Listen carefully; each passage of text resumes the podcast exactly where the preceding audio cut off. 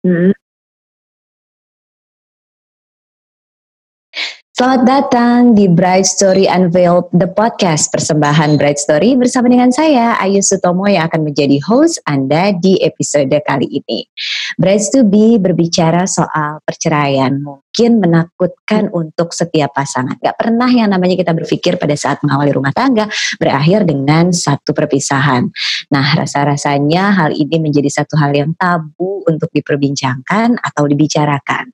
Tapi Bright to be daripada menjadikan topik ini sebagai satu hal yang tabu, bagaimana kalau kita justru belajar dari mereka yang telah mengalami hal ini dan pada akhirnya berhasil sembuh, memulai hidup baru, berhasil terlepas dari, dari traumanya untuk kemudian bisa belajar tentang bagaimana perceraian itu terjadi dan bagaimana agar tidak sampai terjadi.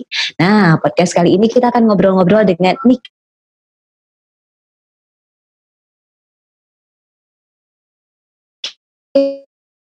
jadi. Halo Niken. Halo Mbak Ayu. Hai. Tunggu, tunggu. Ini aku klarifikasi sedikit. Baik, ini adalah perceraian yang menjadi sebuah blessing. okay, Jadi jangan khawatir okay. ya, jangan tabu kita bakalan ngomongin soal divorce karena ternyata nggak semuanya itu gelap atau negatif kok gitu. Hmm, iya Tapi ya, sih. ya kabar baik. Uh, Terus pastinya juga Ya silakan kayak kita agak balapan. Happy banget pastinya ya sekarang ini. Jadi baru baru baru kembali memulai hidup yang baru beberapa bulan yang lalu gitu ya. Mungkin kalau Brides to be di sini mm-hmm. uh, ada yang belum tahu, ini Niken sebelumnya sudah pernah mengalami kegagalan di pernikahan yang sebelumnya. Nah tentunya kan gak ada yang pernah berharap oh, perceraian itu terjadi di setiap pernikahan begitu ya. Dan kita semua di sini ingin belajar nih kan dari pengalaman yang sebetulnya hmm. uh, Nick kan sudah jalankan, Nick kan kemudian sudah alami untuk berbagi dengan brides to be semua dan mengambil hikmah pelajaran apa sih sebetulnya yang bisa kita petik dan bisa kemudian jadi pembelajaran juga untuk kita semua gimana agar sebetulnya ini bisa kok untuk nggak nggak terjadi dan kalaupun terjadi bagaimana sebetulnya untuk bangkit dan pada akhirnya bisa seperti yang jalani saat ini memulai kehidupan baru terlepas dari trauma dan berbahagia gitu kan ya Nika ya sekarang oke okay. sekarang gini kalau aku boleh uh, klarifikasi, uh, klarifikasi sedikit ya sebetulnya tidak ada halo tunggu ya. suara aku masuk sih Oke okay, aman ya. Oke okay, aku klarifikasi sedikit ya. Sebetulnya menurut aku tidak ada yang namanya kegagalan justru adanya pembelajaran. Orang itu kan beda-beda ya. Ada yang memang udah menikah sekali langsung uh, bahagia sampai kakek nenek anaknya langsung 12 gitu kan. Tapi ada juga ternyata harus menikah beberapa kali baru ternyata menemukan orang yang tepat gitu. Jadi kalau misalkan dibilang kegagalan aku rasa enggak sih. Um, dan lebih apa ya? Dengan adanya sudah pernahnya menikah itu justru kita lebih tahu apa yang kita butuhkan, apa yang kita mau dan bikin kita lebih matang gitu. Jadi jangan sampai kamu jadikan uh, pembelajaran itu jadi sebuah trauma atau apa kita harus lihat dari uh, sisi positifnya itu menurut aku. Hmm. Jadi Niken ini kalau boleh dibilang ya Bright Studi sudah sampai pada satu titik di mana bisa mereframing atau melihat dari sudut pandang yang berbeda apa yang terjadi hmm. pada kehidupan Niken. Dikala setiap orang mungkin menjalani prosesnya gitu kan dengan dengan hmm. dengan begitu sulit dan begitu berat tapi ternyata ketika melihatnya dari sudut pandang yang berbeda melakukan reframing terhadap peristiwa buruk yang terjadi itu akan membantu hmm. untuk memudahkan menjalani prosesnya. Iya nggak sih gitu nih kan? Betul banget karena emang gimana ya kita nggak boleh ngeliat cuma dari satu sisi aja gitu. Kayak misalkan kita dikasih masalah ini juga pasti oh kenapa gue dikasih masalah ini ya? Apa untuk gue lalu atau untuk gue uh, apa namanya supaya gue lulus dari masalah ini untuk naik level? Kan kita harus mikir juga gitu. Jadi jangan mulu-mulu kita pikir aduh gue mau divorce atau ntar orang-orang gimana? Kita nggak boleh jadi orang yang sangat negatif seperti itu gitu loh menurut hmm. saya ya.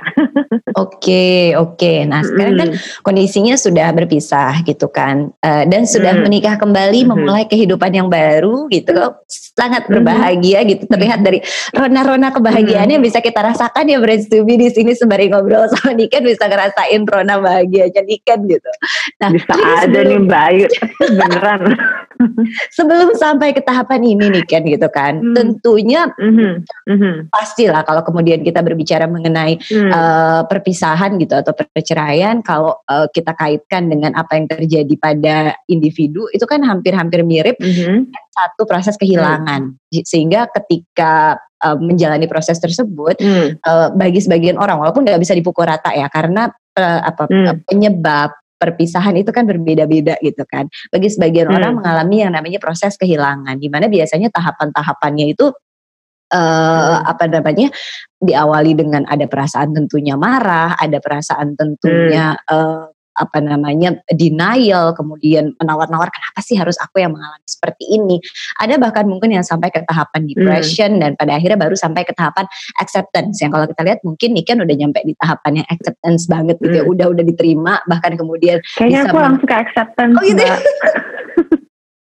langsung ke acceptance langsung jadi coba orang-orang yang sudah mengalami masalah divorce you can hmm? come to me ah. beneran aku bisa melihat dari sudut pandang yang apa ya yang yang agak lebih positif jadi kita hmm. lebih termotivasi untuk hidup gitu. Aku ah, oke, okay, oke. Okay. Tapi ini kan sebelum hmm. nyampe ke tahapan bisa acceptance ini gitu kan. Apalagi ketika hmm. misalnya belum pada saat itu belum belum melakukan uh, pernikahan yang uh, baru dengan pasangan yang sekarang gitu. Hmm. Pernah nggak sih nih kan hmm. mengalami uh, apa ya mengalami perlakuan stereotyping atau di, dicap hmm. negatif karena memang wah uh, hmm. udah pernah berpisah nih dengan pasangan.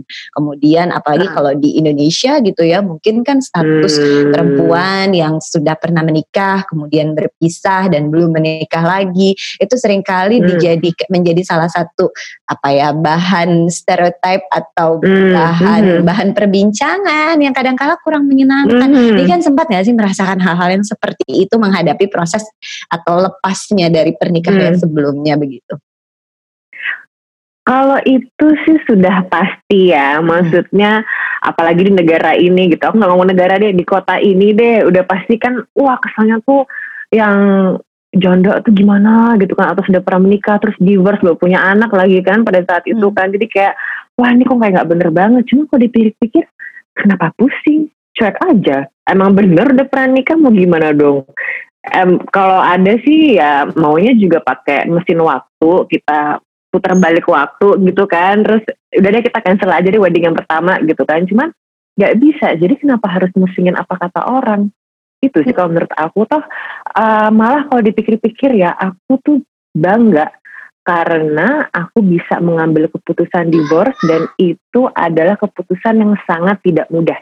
Ya dong karena kita harus dealing sama perasaan sendiri sama pasangan pada saat itu udah gitu sama keluarga mungkin lah pokoknya lebih complicated kan. Jadi menurut aku sampai aku bisa ngambil keputusan oh enggak gue mau divorce dan gue mau ngajutin hidup gue dan gue akan bahagia itu malah ada apa ya rasa kebanggaan tersendiri kalau gue tuh berani gitu loh ngapain gue pusingin apa kata orang gitu dan ada satu hmm. nih yang selalu gue inget uh, apa namanya manusia itu kan gak ada yang sempurna ya. Kita mau berbuat sebaik apa pun atau kita mau menjadi manusia sebagus apa pun, itu udah pasti ada yang gak suka sama kita.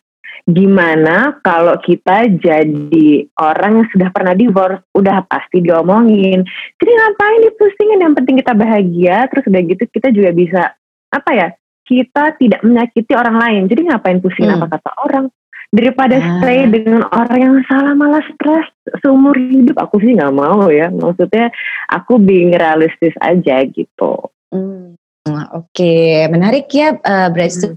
Lebih melihat sudut pandangnya uh, Niken bahwa bisa melihat dari sudut pandang uh, ya udah gitu emang kondisinya seperti ini apa yang hmm. harus di, di di apa ya istilahnya di counter lagi atau kemudian hmm. di, diberikan penjelasan lagi kepada semua Nah, karena memang kondisinya sudah seperti ini. Tapi penerimaannya itu loh yang keren. Karena sebenarnya uh, hmm. kalau kemudian kita berbicara mengenai uh, stereotip, cara untuk melawan stereotipnya, cara untuk bangkitnya, hmm. yang paling um, yang paling apa ya, yang paling efektif untuk melawan semua itu mm-hmm. yang paling efektif untuk kemudian uh, apa uh, ibaratnya menunjukkan itu semua kan adalah dengan uh, pembuktian. Nah pembuktian bahwa emang kamu mm. mau ngomong apa aja tapi ternyata saya nggak seperti itu. Mau berbicara seperti apa saja mm. ternyata saya enggak gitu. Tapi uh, melawan stereotip ya paling tepat adalah dilakukan hmm. dengan membuktikan bahwa apa yang disampaikan itu uh, salah apa yang disampaikan itu tidak tepat hmm. ya memang misalnya sudah pernah menikah ya memang sudah pernah gagal gitu ya nikah tapi kan nggak semuanya itu kemudian artinya ya, ya satu itu kan satu bagian dari individu tapi kan bukan berarti digeneralisir keseluruhannya hmm. itu adalah satu hal yang buruk begitu kan ya tapi untuk sampai ke tahapan itu hmm. Niken menurut Niken perlu nggak sih hmm. bagi kita atau bagi yang sedang mengalami itu untuk mampu berdamai dulu atau menerima dulu bahwa uh, ini memang terjadi perpisahan gitu hmm. sekarang. Karena kalau misalnya belum diri sendiri juga belum menerima, sepertinya susah untuk kemudian bisa tidak atau bisa abai dengan dengan dengan hmm. dengan pendapat-pendapat orang, dengan apa yang orang ngomong. Hmm. Kalau misalnya individu juga belum misalnya menerima dengan dengan sepenuh hmm. hati dan berdamai dengan oh ini memang saya sudah berpisah gitu. Ini kan gimana? Uh, emang yang paling pertama kunci kita harus berdamai sama diri sendiri sih gitu. Maksudnya kalau menurut aku yang sudah aku alami, kita aku nggak tahu dengan masalah orang lain ya, tapi yang sudah aku alami hmm, untuk mencapai kata divorce itu itu kan perlu waktu ya. Aku bukan tipe orang yang kalau berantem, ah udah aku mau divorce atau aku mau cerai dari kamu enggak. Jadi sampai betul-betul uh, aku keluar atau uh, keluar decision untuk oke okay, kita divorce itu pasti sudah apa ya melewati beberapa momen, beberapa waktu, beberapa perasaan yang campur aduk, jungkir balik, justru di situ. Jadi kayak, hmm. nah di proses itulah aku bisa berdamai dengan diri sendiri. Aku meditasi, aku berpikir, aku sholat. Aku pikirnya apa, apakah ini jalan yang terbaik ya? Kok baru menikah segini bentar ya udah dipentokin masalah seperti ini gitu. Dan di situlah ketemu yang namanya rasa menerima gitu. Kok oh ya udah kayak emang jalannya di lapangan malah jalan untuk berpisah. Ya mungkin ini kali jalannya gitu. Jadi hmm. aku berusaha tidak menyalahkan orang lain atau malah nggak ngobrol sama orang lain. Aku lebih banyak dialog sama diri sendiri gitu Ah, oke. Okay. Jadi untuk hmm. menemukan perasaan menerima dan berdamai itu yang dilakukan oleh Niken adalah banyak justru berdialog dengan diri sendiri gitu ya untuk kemudian hmm. melihat ini benar nggak ya, ini ini tepat atau enggak gitu. Di samping mungkin melakukan banyak perenungan, banyak berdoa hmm. karena bukan satu bukan satu keputusan yang mudah gitu ya Niken ya. hmm. ya.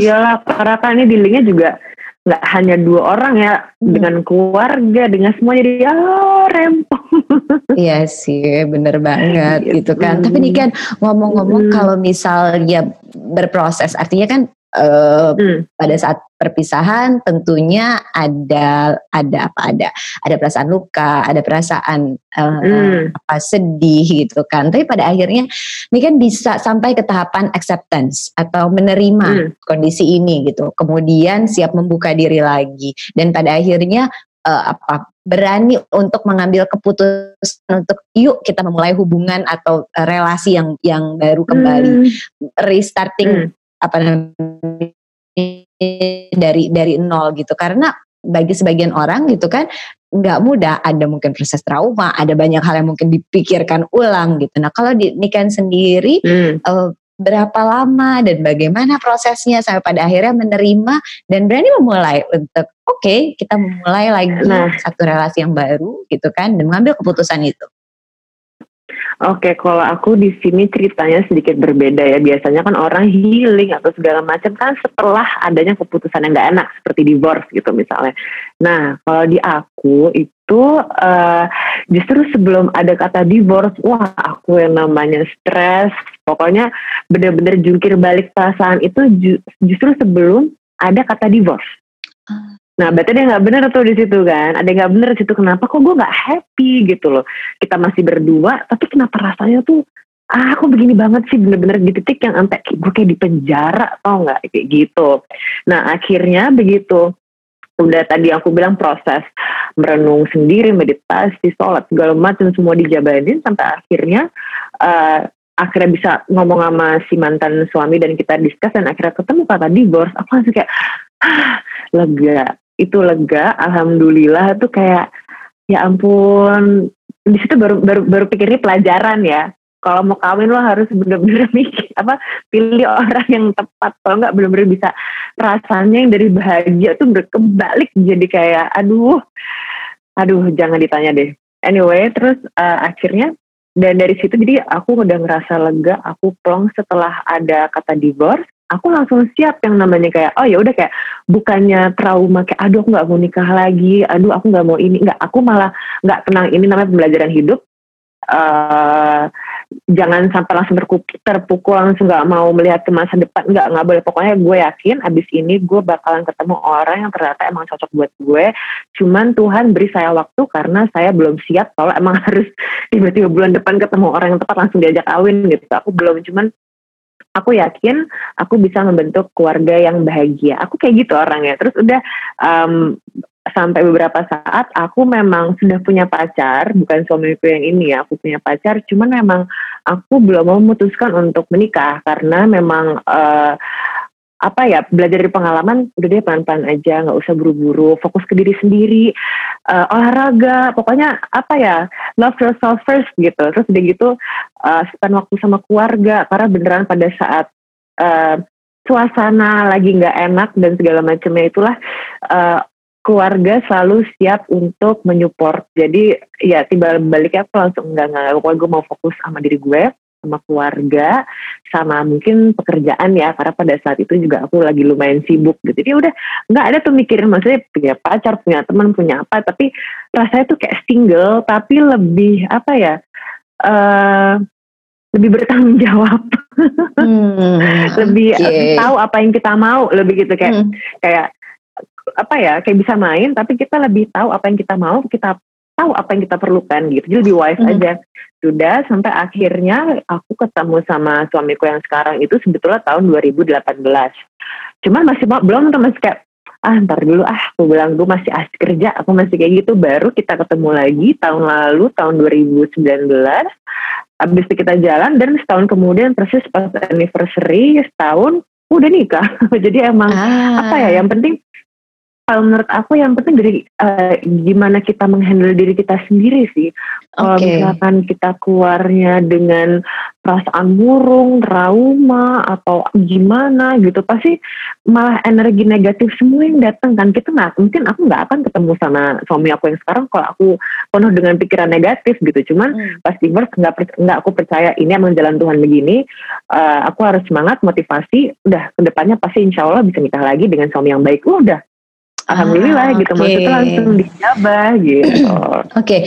jadi yang menarik nih kan uh, yang menarik hmm. tuh mindset gitu kan kalau boleh disimpulkan hmm. dari apa yang Niken sampaikan tadi mindset hmm. uh, keyakinan Niken di dalam pikiran bahwa bahwa habis ini pasti bisa bertemu dengan orang yang lebih baik lagi. Habis ini pasti aku akan bahagia. Masih ada kesempatan aku untuk bahagia dengan orang lain yang hmm. mungkin sekarang nggak tepat, tapi nanti Tuhan pasti kasih kebahagiaan kebahagiaan uh, berumah tangga untuk aku gitu. Nah kan nggak semua orang ya Niken yang hmm. pada saat berpisah itu kemudian punya mindset yang sepositif itu. Nah kalau Niken hmm. sendiri itu menurut Niken apa yang membuat Niken pada akhirnya memiliki mindset yang pos, uh, yang sangat positif seperti itu gitu kan? Apa yang hmm. membentuk lingkungan kah keluarga kah atau ada hal lain mungkin bisa hmm. dibagi ke Study di rumah yang mungkin sedang apa berhadapan dengan hal hmm. seperti ini atau hmm. mungkin ada sahabat terdekat yang berhadapan dengan kondisi yang seperti ini, ini kan bisa berbagi. Hmm. Um, ini aku agak aneh ya, aku over pede bagaimana aku gak ngerti. Cuman otomatis uh, selain dari diri sendiri, pokoknya diri sendiri itu nomor satu. Makanya aku selalu meluangkan waktu untuk olahraga, untuk meditasi, untuk sholat.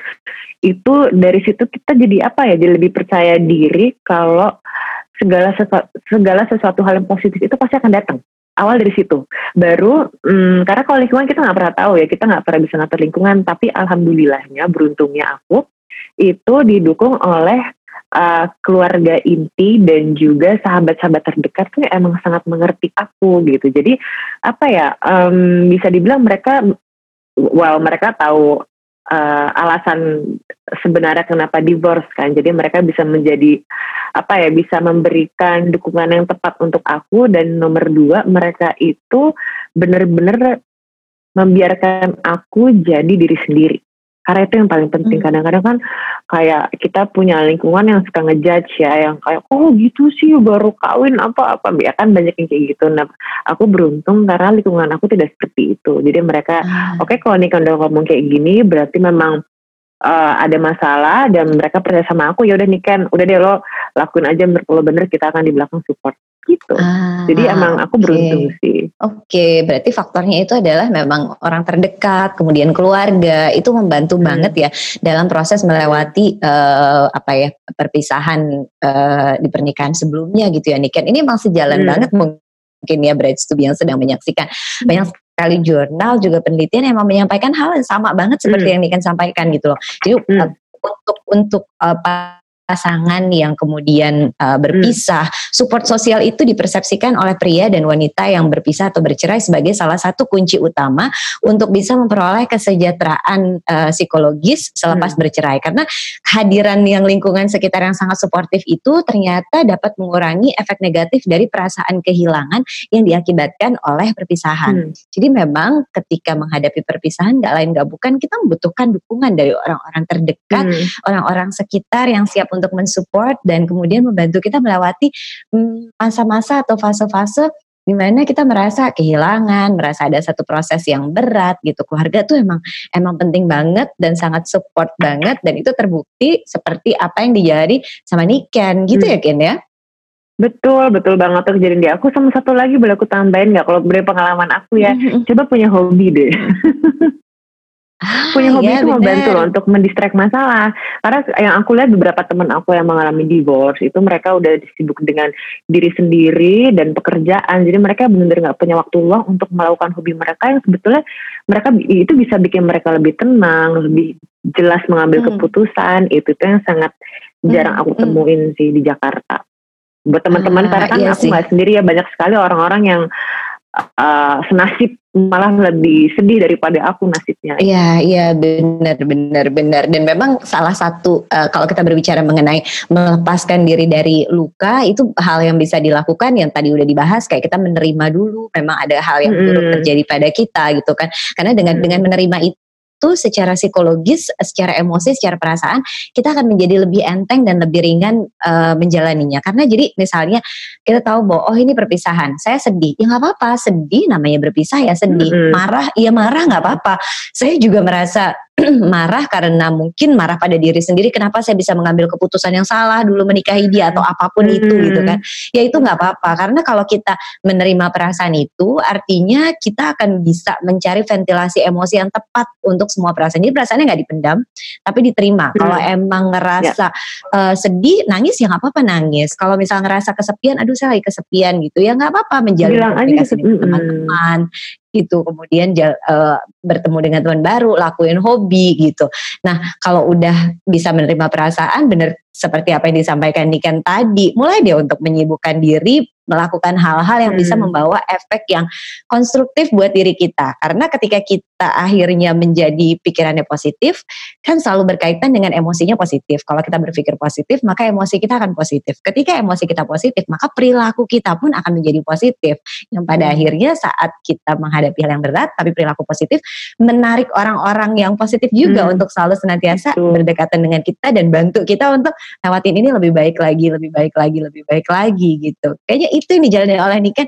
Dan pada akhirnya berhasil melewati ini dengan dengan dengan dengan baik kemudian dan dan pada akhirnya merasanya malah tadi pas lagi off air sempat bilang ini udah move on dan berbahagia gitu sekarang. Dan justru katanya jauh lebih berbahagia gitu kan Sangat Mbak, alhamdulillah. Uh, kan uh, pembelajaran ya. Iya, Kan bener. kita boleh dong belajar macam-macam. Ya udah sekarang kemarin udah belajar, mari kita praktekkan sekarang yang benar. Nah, ngomong-ngomong soal pembelajaran, hmm. kan. Jadi sebetulnya hmm. pada saat proses perpisahan kemarin, pelajaran hmm. paling berharga apa sih yang kemudian di, di didapatkan dari proses uh, perpisahannya, dari hmm. proses pernikahan sebelumnya, hmm. sebelum bertemu dengan yang sekarang gitu. Itu dapat pembelajaran paling hmm. berharga apa yang mungkin bisa kita bagi untuk semua brides hmm. to be di rumah untuk ikutan mengambil pelajaran tanpa harus mengalaminya terlebih dahulu gitu kan ya kan? Ya, yes, pembelajaran langsung aja sekali aja udah mati ya. Dan ke aku ribet. Nah, uh, apa namanya kalau menurut aku pembelajaran yang kemarin bisa ambil itu ya um, ternyata menghargai dan menyayangi diri sendiri itu sangat penting. Itu yang satu.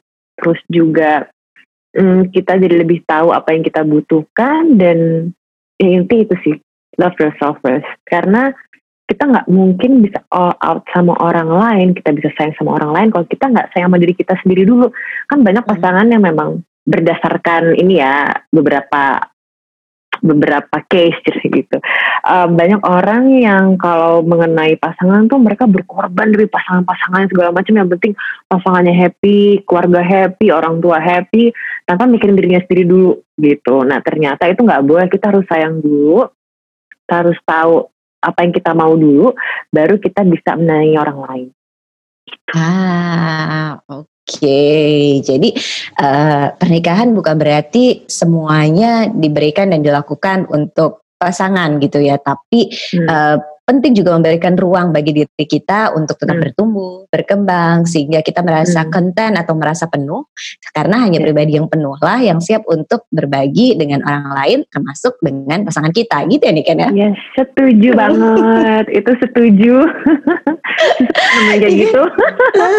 Iya kan, kan. Tapi kalau kemudian uh, menjalani prosesnya sudah kemudian bertemu hmm. dengan orang yang baru berani untuk hmm. memutuskan memulai satu relasi yang baru memulai satu uh, apa namanya pernikahan yang baru gitu ya dalam hmm. menjalani rumah tangga yang sekarang boleh di share nggak sih kayak hmm, prinsip di pernikahan yang sekarang, value hmm. di pernikahan yang sekarang, relationship goalsnya itu seperti apa? Apa hmm. uh, yang dibentuk atau disepakati oleh Niken dan pasangan sehingga uh, apa ya komitmen dan keharmonisannya tetap terjaga dan apakah hmm. ada kayak uh, pembelajaran-pembelajaran yang lalu tuh uh, hasil hmm. belajarnya itu diterapkan gitu loh di prinsip atau value hmm. relationship yang sekarang sehingga jangan sampai deh bikin hmm. kesalahan yang sama gitu itu gimana Ken?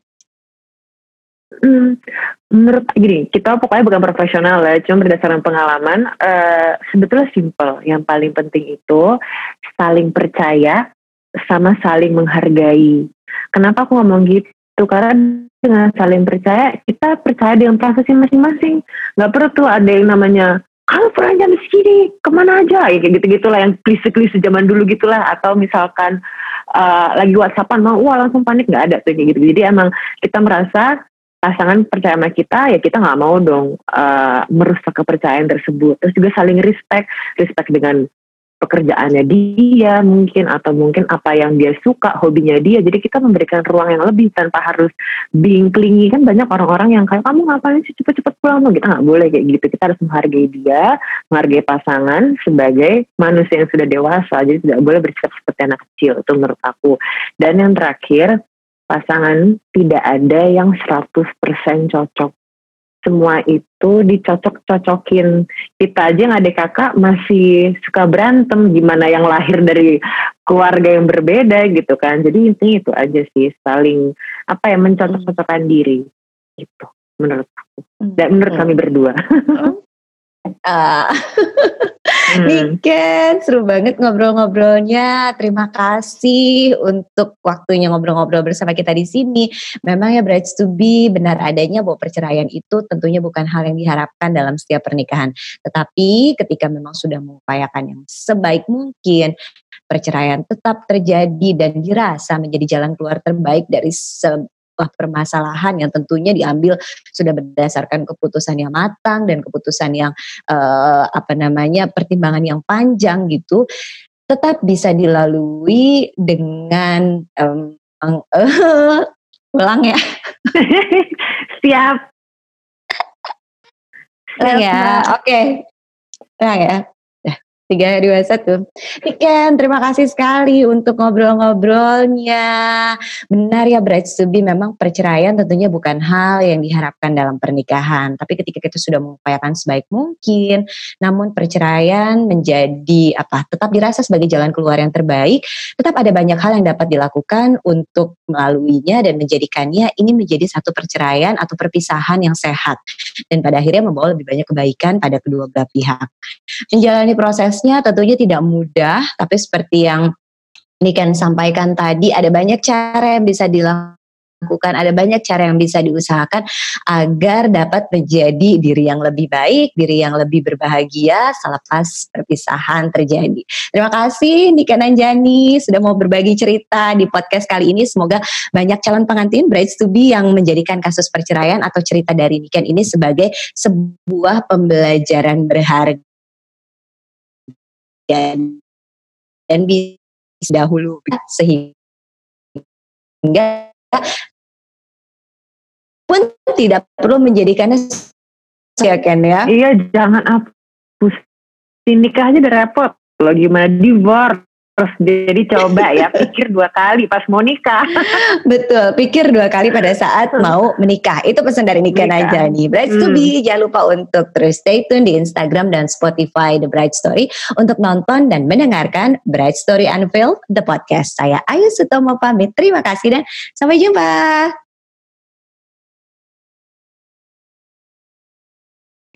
Ya. Hai. Oh iya boleh. Uh, untuk openingnya udah cukup mbak. Maksudnya aku tuh agak nggak nggak nggak ngebahas bahkan aku nggak ngebahas sama sekali tentang yang pertanyaan terkait uh, apa namanya kan aku udah diminta untuk sampein penyebab uh, perpisahan umumnya apa gitu-gitu itu kayak nggak aku bahas sama sekali tuh di depan mbak. Isn't it oke okay atau cukup nggak di kontennya? Hmm.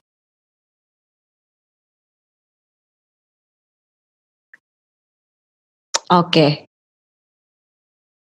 Ah, ya. Oke. Hmm. Oke. Oh, berarti sampai aku jawab aja ya? Hmm.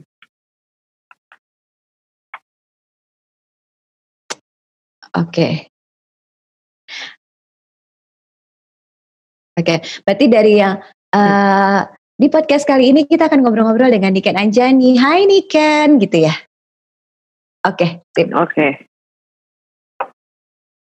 Itu ya. Okay. Uh, eh, sebentar kalau aku mau nanya itu kan abis itu aku langsung jawab tuh kayak uh, sorry bukan bukan apa ya tadi aku bilang lupa lagi uh, bukan kegagalan di, aku yeah. bilang gitu itu uh, harus diikutin sampai situ juga atau aku cuma hai gitu aja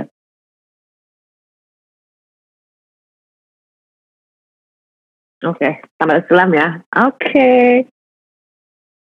Oke ya, mulai ya. Hmm. Tiga, dua, satu. Nah, podcast kali ini kita akan ngobrol-ngobrol dengan Niken Anjani. Hai Niken. Hai Mbak Ayu, apa kabar? Baik, Alhamdulillah. Sebelumnya selamat ya atas pernikahannya di bulan Juni yang lalu. Seneng banget bisa ketemu yeah. Niken hari ini. Selamat. Terima kasih loh, walaupun emang nggak ada honeymoon ya di pandemi ya, jadi cukup main rumah-rumahan aja ya. Sedih deh, pengen honeymoon. Sabar, eh, nanti ngomong tadi, hmm? hmm, gimana? Gak apa silakan. Mbak, udah cukup ya? Udah, udah gak usah dilanjutin udah, ngobrolnya. Sekarang lanjut loh kita ngobrol. Ntar panjang terus loh sampai bawah. Nggak kelar-kelar nih kita ngebahas beneran nih gue buka nih. Ya. Oke. Okay.